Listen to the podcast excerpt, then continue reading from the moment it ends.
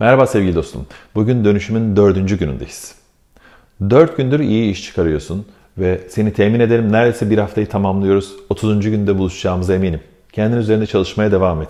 İlk defa bu programı izliyorsan lütfen açıklama bölümündeki linklere bak. İlk videodan itibaren takip edebilirsin. Kendini geliştirmek için bazı araçlar öğreneceksin bu programda. Her gün saat sabah 10'da bir video yayınlıyorum ve 30 gün boyunca birlikte olacağız.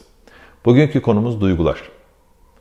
Olduğun halinden başka bir hale geçmek istiyorsun. Bu daha iyi halin. Ama ne zaman oraya sıçramak istesen bir duygu seni tutuyor ve geri çekiyor ve o kadar güçlü ki zihinsel olarak istediğin kadar çabala, istediğin kadar entelektüel ol, duygu seni tekrar ait olduğun veya ait olduğunu hissettiğin yere geri çekiyor. Şöyle düşün. Zihnin para birimi düşünceler. Düşünceler soyut şeyler ama aynı zamanda duygusal bir etkiyi tetikleyebiliyorlar. Bedenin ya da beynin para birimi duygular.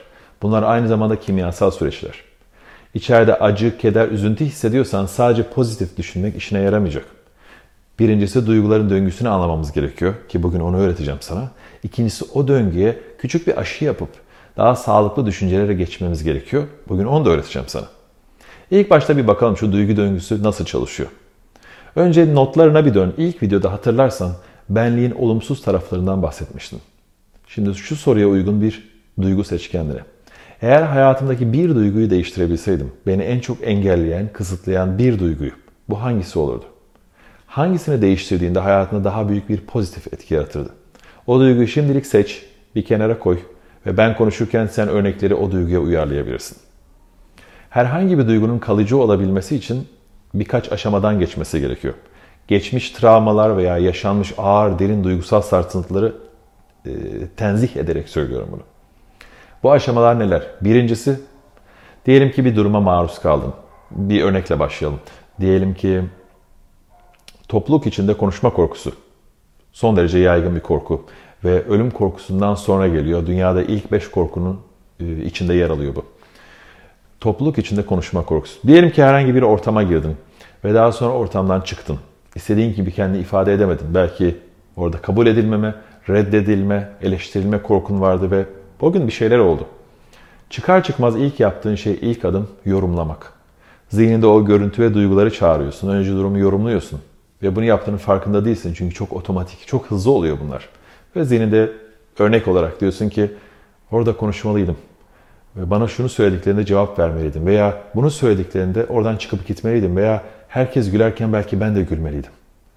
Birinci adım yorumlama, durumu yorumluyorsun. İkinci adım tehlikeli hale getirdiğimiz yer ilişkilendirmeye başlıyorsun. Neyi ilişkilendiriyoruz? Ben böyle yapmalıydım, ben şöyle yapmalıydım. İlişkilendirmede diyoruz ki demek ki ben yeterince iyi değilim. Demek ki ben yetersiz birisiyim. Ben değersiz birisiyim. Ben topluluk içinde ben, ben, ben. Bu sefer zihnin o durumla ilgili her bir şey olduğunda sen her ben dediğinde kendini düşündüğünde aynı duyguyu sana geri getirmeye başlıyor. Buna ilişkilendirme diyoruz. Bu müthiş bir öğrenme sistemi aslında. Ama kimse bu sistemi bize öğretmediği için el yordamıyla yapmaya çalışıyoruz ve sistem bize karşı çalışıyor. Diyelim ki öyle bir duruma aldın ve bir hafta geçti üstünde. Sen zihninde durumu yorumluyorsun, aynı şekilde yorumluyorsun. Böyle yapmalıydım, şöyle yapmalıydım, neden böyle yapmadım, lanet olsun.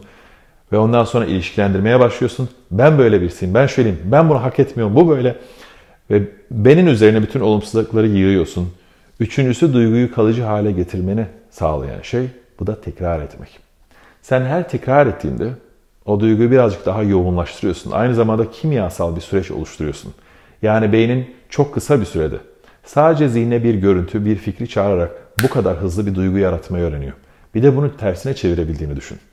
Bu kadar hızlı iyi hissedebildiğini. Bizim istediğimiz uzun vadede bunu yapabilmek.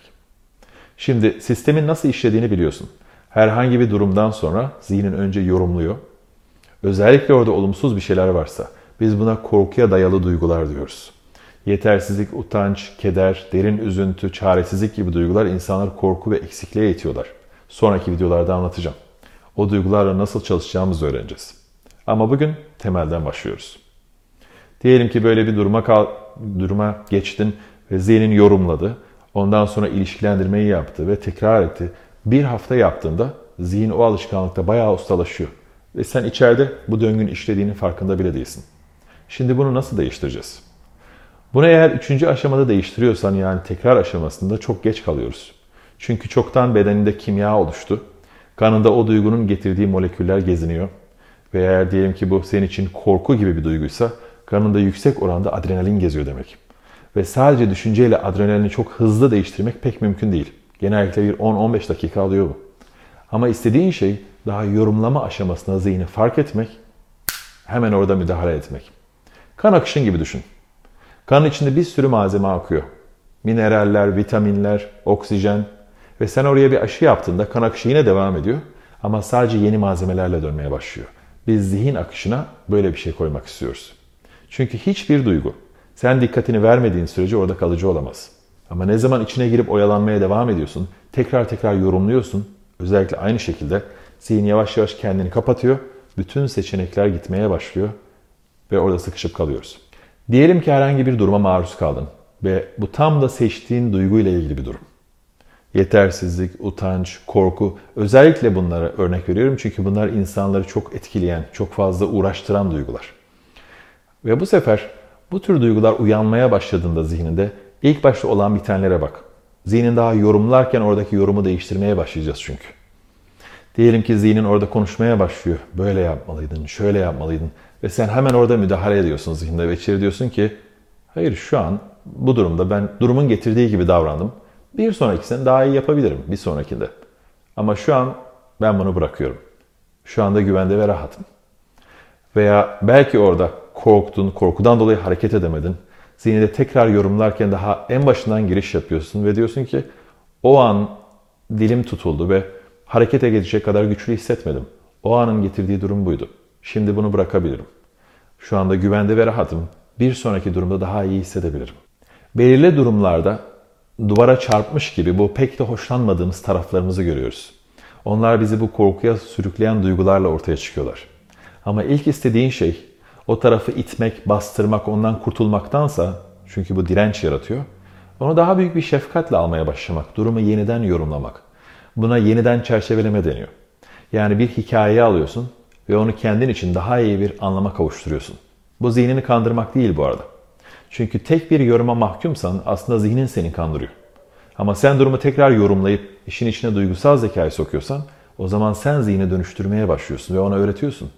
Öğrettiğin şeyde o tür durumlarda bile daha iyi hissedebilir ve oradan güçlenmeye başlayabilirsin.